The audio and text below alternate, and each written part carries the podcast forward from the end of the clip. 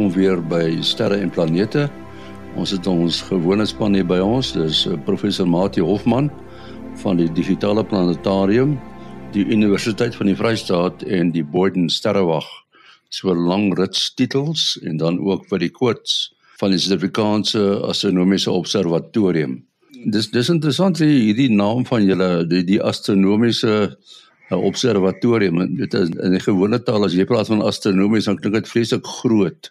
Dis maar seker om dit direkte vertaling is van die SAAO of hoe. Ja, ja, ja, ek meen dis eintlik anglisismies as jy nou regtig wil suiwer suiwer taal taal want dit moet maar ek praat mos altyd so maar van die nasionale sterrewag. Maar uh uh, ek ek neem dit was neem aan dit was maar om die om die afkorting dieselfde te laat werk in Afrikaans en Engels. So hmm. so dan is dan is hy is hy uit van die aard van die saak 'n bietjie anglisisties nê. Nee. Ja. Goed, die groot nuus is uh, Artemis wat Woensdagoggend baie suksesvol gelanseer is na 'n hele klomp vertragings nê nee, Willie. Ja, dis korrek. Die die die die lanseervenster waaroor ons 'n rukkie terug gepraat het, dit wil sê die die tyd waar binne hulle moet lanseer is redelik groot want die maan is daarom ver en, en jy kan intussen goedjies bietjie aanpas.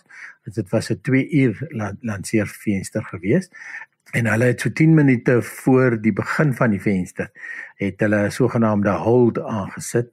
Dit wil sê um, hulle hulle die aftelling gestop die aftelling is eintlik ook 'n belangrike ding. Uh mense dink altyd hoekom wil hulle so presies, maar natuurlik as 'n klomp goed moet wat moet gebeur. So op op uh T-20 moet hulle daai tank vol hê. Op T-18 moet daai welf oopgemaak word. So jy die die aftelling is natuurlik baie belangrik om te sorg dat jy op skedule bly met die met die met die lys van goeders hoe, hoe wat moet na wat gebeur en wat moet voor wat gebeur. Ja, en en ehm um, daar was twee eh, goed wat hom opgehou het en die een was nogal interessant. Daar was 'n lek reg onder uh, uh van die van een van die um, ek kan nie onthou vir die helium waterstof was nie want hulle kombineer mos die twee om om basies H2O te vorm water water te vorm so baie van die rook tussen aanhalingstekens wat jy sien is maar eintlik waterdamp. En um, daar was 'n lek op een van die kleppe gewees en uh, daar daar's 'n sogenaamde red team en dit is mense spesialis mense wat opleiding ontvang het om in te gaan onder hierdie vuurpyl wat nou hier staan en op op Jetekole staan 'n bewe amper om wat enige oomblik gaan lanseer gaan word om te kan ingaan uh en al die tanks is vol en die goed is koud die plek plek en so aan. So jy kan verstaan nie enige persoon kan sommer kan sommer ingaan en en net gaan begin spanner swaai daar so nie. En dit is fisies wat nodig was om die om die lek reg te maak. Hulle moes hulle moes 'n hulle moes 'n flange moet hulle moet hulle vasgetrek het en dit het toe die lek gestop. En uit die hart van die saak as as dit nie as dit nie vir daai span was nie, uh dan sou die vuurpyl nie lanseer het nie. En sover ek uh, kon verstaan is dit die eerste keer dat hierdie uh, sogenaamde red team ingegaan het om om om onder 'n vuurpyl wat binne enkele oomblikke gaan lanseer in, in te gaan en goue goue reparasie te doen. En dan uh, het hulle 'n probleem gehad met met a, met 'n 'n tipe van 'n internetverbinding, is regtig internet nie, maar elektroniese verbinding wat kommunikasie na iets toe afgesny het en en dis 'n module wat moes verander geword het wat wat dan ook uh, uh gedoen was terwyl die aftelling gestaak was vir iets soos 'n halfuur en uh, en toe en toe het dit het dit voortgegaan. Uh, eerste keer ook in die geskiedenis dat die sogenaamde launch director 'n uh, vrou was um, en en uh, die hele span het uit die aard van die, van die saak baie baie goed gekwyt en ja natuurlik die die hoof van NASA was daar en en allerlei programme wat hulle gehad het vir vir belangstellendes reg oor die wêreld was het mense ingeskakel uit al die uh, sogenaamde science centers in Amerika. Dit was nag by hulle. So dit was so net na 8 in die oggend hier by ons uh wat nou wat nou meer beskaafde tyd was maar het hulle in design centers het hulle me, mense gehad wat um, wat saamgedrom het um want die, die hart van die saak kan almal nou nie die die lansering direk direk sien nie. En uh ja lanseringe toe uh, vlekkeloos wat is die woord sonder sonder enige probleme uh plaasgevind. Ongelooflik die uh, mens kry nie regtig die gevoel van die hoeveelheid krag wat hier wat hier uh, gebeur nie dit is hulle praat van amper 9 miljoen pond se stiekrag. Die SLS is nie die Space Launch System is dan die vuurpyl wat gebruik word wat taamlik meeding met die met die Saturn 5 en dan ook uh met Elon Musk se uh, die drie uh, vuurpyle aan mekaar uh sit uh wat wat wat nou was is kompeteer nou vir die vir die eerste prys deesdae hoeveel kan wat lig ensovoorts. Dan interessant hoe die baan ook was so hulle gaan dan eers in 'n in 'n effense oval baan of 'n 'n paraboliese baan om die om die aarde en dan word die baan rondgemaak en dan maak hulle seker dat alles werk op die kapsule. Die kapsule se naam is Orion en dit is dan ook waar in daar uiteindelik uh, sal personeel maan toe gaan en dan word hulle dan in 'n in 'n verdere baan gesit uh, 18 minute wat hulle die voet die die die uh, vuurpyl ge, gevuur het om dan in 'n in 'n baan na die na die maan toe te gaan. Nou die vuurpyl self of die die kapsuletjie self bestaan eintlik uit 3 dele. Ehm um, jy die eerste gedeelte wat dan die vuurpyl bevat wat hulle op pad vat maan toe. Die die skei dan en dan is die kapsule waarin die mense sit het nog 'n 'n gedeelte agter hom wat uh, ook met met vuurpyle toegerus is en uh, steemmotortjies ensovoorts wat deur die Europese uh, uh, ruimteagentskap gebou is ESA en uh, en die sal ook die sal omvat tot by die maan en uiteindelik terug en dan net voor hulle dan uh, terugkom aarde toe oor 26 dae dan sal hulle die die twee skei en dan en dan en dan die die kapsule wat die mense in in sit die Orion kapsule sal dan uiteindelik in die oseaan land en en dan sal die mense opgepak word. So dis 'n heeltemal 'n toets natuurlik van die hele stelsel tot van A tot Z Ja, is interessant genoeg op die Facebook groep het iemand daar gesê dit was destyds baie meer opwindend want toe het hulle mense maan toe gevat en hierdie keer is dit nou eers sonder mense toe dink ek agterna ja onthou maar dit dit was Apollo 11 wat mense eers maan toe is. So hulle het al hierdie oefeninge gedoen destyds deur vroeër sendings uh al hoe nader gekom hulle het hulle die hulle het ook maar al hierdie goed toe ingeoefen sonder mense en toe uiteindelik met Apollo 11 uh e, e, eers eers mense maan toe gevat. Ja, so nee, dit is dis eintlik dan vinnig as jy nou as jy nou dink aan trend dat uh, hierdie gaan nou die tweede toets wees van die kapsule so sonder onbeman nou nog en die maar die eerste toets met die sogenaamde SLS die Space Launch System. Ja, en dit interessante ding die die naam van die uh, sending Artemis Ehm um, so in die Griekse mitologie is Artemis en Apollo was tweelingsusters. So dan maak dit nou skielik sin dat uh die uh, opvolg van die Apollo sending se se naam sal dan Artemis wees en uh mense het ook gevra wat die verskil tussen Apollo en en en Artemis? Nou ja, Apollo het hulle basies noem dit nou maar aan die voorkant van die maan verskillende plekke gaan land en um en dan al die um monsters bymekaar gemaak en so voort. Hulle geologie basies gaan doen. Um in die geval gaan hulle naby die pole van die maan uiteindelik land. Hulle gaan nou nie land hierdie slag nie. Hulle gaan net om die maan vlieg en uh, en weer terugkom. En bo toevallig die die die module wat hom aangedryf het, die gaan ook om die maan en gaan uiteindelik dan son se kant toe geskiet word en dan uiteind en dan in 'n in 'n wentelbaan om die son gaan so dit eintlik Maar jy is ook seker beïndruk, né? Nee?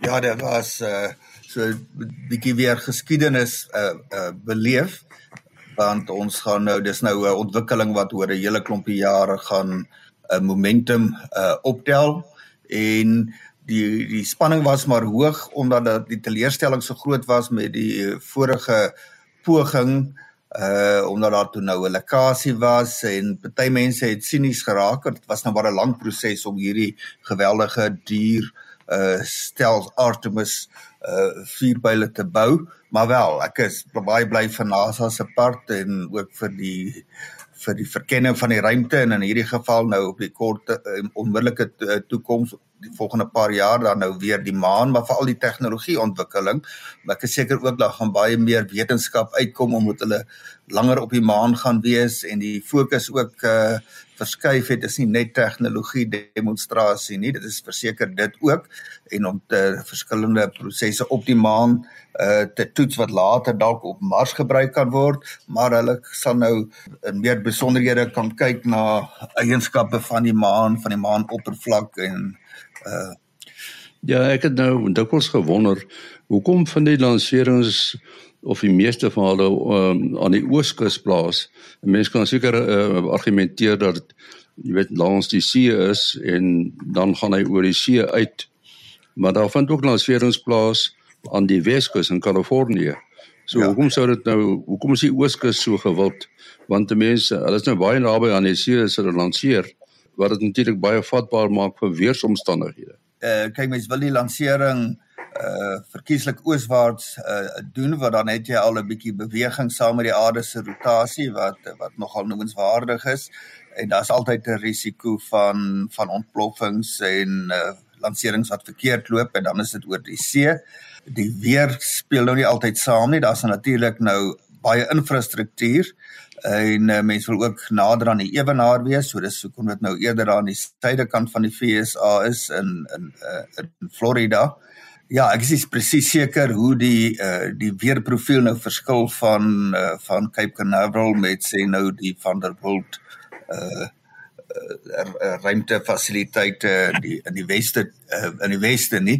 Uh, maar in elk geval dit is nogal 'n kroniese probleem waarmee hulle maar moet saamleef en deur die deur die dekades het hulle dit daarom reg gekry uh om dit te kan doen. Dit het uh, tot uh, vele uh lanserings van uh, of uh, skrappings van lanserings gelei wat uitgestel nie skrappings nie maar wat uitgestel moes word wat altyd 'n teleurstelling is. Natuurlik vir uh, nie net vir die personeel wat betrokke is nie maar vir duisende mense wat soontoe reis om te gaan kyk en dan kan jy nou daar bly nie behalwe as jy afgetree is en genoeg geld het om vir 'n lang tyd daaroor te bly. Uh anders moet jy nou maar weet jy jou kans verspeel en jy sal maar weer moet teruggaan. Dit is hoekom dit nou so riskant is om nou maar sê van Suid-Afrika spesiaal FSA toe te reis om na so 'n uh, historiese lansering te gaan kyk. En uh, uh, mens sal nie sommer daai risiko kan vat nie. Daar was natuurlik ook die die orkaan, hè. Ehm um, uh, ja ja, wat nou toe hulle nie die uh die vuurpyl kon weer terugneem nie, uh, want dit sou bykomende risiko's uh, uh, tref as hy nou op daardie groot masjinerie moes teruggeneem word na die monteer uh fasiliteit. Uh so op die lanseerplatform het hulle gereken op uiteindelik. Ehm um, dit is nog maar veiliger om daar te hou te midde van die orkaan en daar was geringe skade wat hulle daarin kon uh, redelik gou herstel maar uh, baie mense het NASA uh, kwaliek geneem dat hulle so geweldige dier vierpoulaar op die landseer uh, platform uh, gel, gel, laat staan het te midde van hierdie geweldige storm maar dit was binne die ontwerp uh, parameters want hulle hulle weet daai storms kan uh, kan plaasvind wanneer 'n vuurpyl op die lanseer uh, platform is. Hulle probeer dit natuurlik uh vermy. Uh so hulle die die uiteindelik het die storm sterker geword as wat die aanvanklike voorspelling was toe hulle besluit het hulle gaan nou lans om uh, lanseer platform toe neem maar toe draai dinge anders uit soos wat dit nou maar met weer voorspellings gaan en toe staan nie genoeg tyd om hom betuis terug te kry voor daar 'n risiko was dat terwyl hy besig is om teruggeneem te word uh die storms kan uh, kan toeslaan nie So ek dink dit was maar 'n benoude benoude tyd. Hulle moes 'n risiko na die een of die ander rigting toe neem en lyk like my hulle kan tevrede voel eh, dat hulle redelik goed of eintlik baie goed daarvan afgekom het met geringe skade. Ja, om terug te kom na jou vraag van Weskus en nie die die uh, ja, dit is so die die die ehm um, Vandenberg of of in Afrikaans laat nou van der Berg uh, uh, as lanseringsstasie daar. So is wat eintlik meer militêr was, maar dit word ook kommersieel aangewend en ehm um, hulle gaan nog steeds uh oos maar hulle gaan meer suidoos uh, gaan hulle dan uh, lanseer daarvan af sodat dit uh, die die topografie is sodat dit so half op 'n op 'n op 'n Kaap is so 'n stukkie van die land wat uitstaan uh sodat jy wel kan na na die suidooste kant uh, lanseer. So dit gaan afhang van die baan waarin die vuurpyl moet gaan. Ehm um, maar hulle gaan natuurlik nie na die weste lanseer nie want dan moet jy nog amper 1000 km/h bytel by jou lanseerspoed net om om vir die draaiing van die aarde te kompenseer. Waar as jy oos uh, lanseer dan is dit uh, die ehm um, dan help die aarde se draaiing jou natuurlik. Ja. Ja, en wat ek nou ook graag sou wil doen net ter wille van die belewing van die lansering, uh, wat is daar maar uh, ongelooflik om te sien of te hoor hoe vinnig die spoed uh, toeneem. Hulle uh, natuurlik nou dit aan mekaar in myl per uur aangedui, maar uh, op 'n stadium uh, wil ek wil ek miskien onthou jy nou wat die uiteindelik omtrent die topspoed was, maar op 'n stadium was dit hierso by ehm um, julle entjie oor die 10000 myl per uur. Ehm um, wel uh ver en hoog op in die 20000 km per uur. Uh, uh wat hulle sommer binne 'n paar minute bereik het. En dis daar teen die gravitasie in moet hulle daardie enorme massa so vinnig tot daardie spoed uh, versnel. So dit bly maar indrukwekkend en natuurlik ook daardie vrylating net daardie paar sekondes toe hulle nou al die begin aftel van 10 af daardie geweldige volume water op die lanseerplatform uh om dan nou uh, onder andere die akoestiese geweldige akoestiese golwe of geraas uh ten dele te te uh, absorbeer. Ja, vir kom ons uh, beweeg 'n bietjie weg van uh, Artemis af. On, ons het uh, so 2 of 3 weke gelede ook so ietsie oor die groen flits gesê wat mense sien as die son ondergaan. Nou uh die die groot probleem met die groen flits is uh, hy's baie kortstondig daar en jy's gelukkig as jy hom sien. Maar nou het ek 'n bietjie opgelees, daar daar was 'n voorval dat so 'n groen flits uh so rondom 'n halfuur lank was. Hoe is dit moontlik? Ja nee, dit is ongelooflik. Ek ek kon ook eers nie glo wat ek hierso hoor nie want soos jy sê, gewoonlik is dit as jy as dit 3 sekondes is, is dit is dit lank. Ehm um, en en in die geval was dit 35 minute en uh miskien kan ons net gou vinnig loop herhaal vir die mense wat gemis het. Die groen flits soos jy sê is daardie laaste laaste strale van die son. Soos die son ondergaan of opkom eerste strale dan. Ehm um, uh, wat wat uh, wat skielik net so groen uh, gedeeltetjie van die van die son. So so skreefie van die son wat wat dan groen word en en omdat dit so kortstondig is noem hulle dit gewoonlik 'n flits want dit gebeur letterlik meeste van die tyd minder as 'n sekonde en dan in ander tye is as jy baie gelukkig is is tot so omtrent 3 sekondes nou wat wat die groen flits langer uitrek is is ehm um, gewoonlik wanneer jy 'n tipe van 'n mirage het hierdie hierdie ligspieeling effek.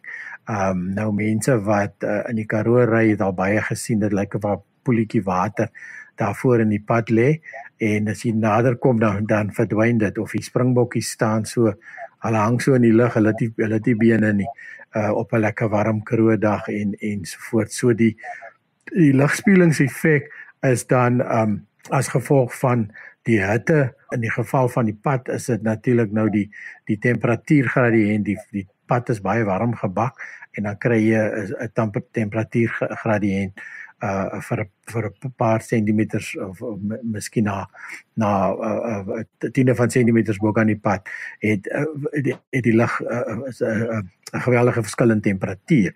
En dieselfde kry jy dan oor die see wanneer jy 'n um, temperatuurgradiënt is wat die water die temperatuur op die see is natuurlik koel en dan het jy uh, vir alles jy 'n warm tipe van wind het wat oor die see waai dan kry jy hierdie hierdie gradiënt en um, en en tipies as jy bietjie hoër is en dis hoekom baie van die groen flitsse beter uit 'n vliegtyg of van 'n bergtop af sigbaar is gewoonlik. En soos op Sutherland waar ons heel wat hoog is kan jy dit baie maal sien en natuurlik die mees algemene groenflits is maar oor die see en as jy bokant hierdie hierdie hierdie warmstroom is dan het jy hierdie ligspielingseffek en dit kan dan uh die die uh die lig eintlik uitrek Weerens as jy nou by 'n plek is waar daar sê 'n eiland of so 'n end weg is in die in die see.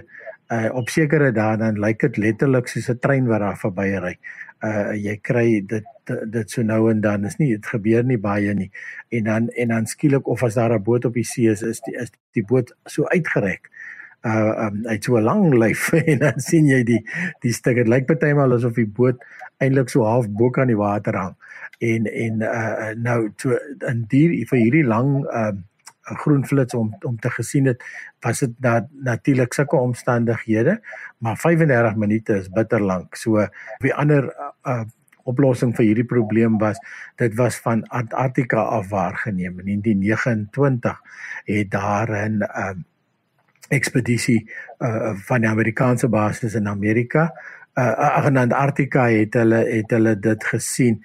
Nou wat hier gebeur is dat die son vat as uh, sekere tye van die jaar uh gaan die son mos nou nooit onder nie en dan ander tye gaan hy net uh laat hy net net so aan die see raak en dan weer so eentjie opgaan.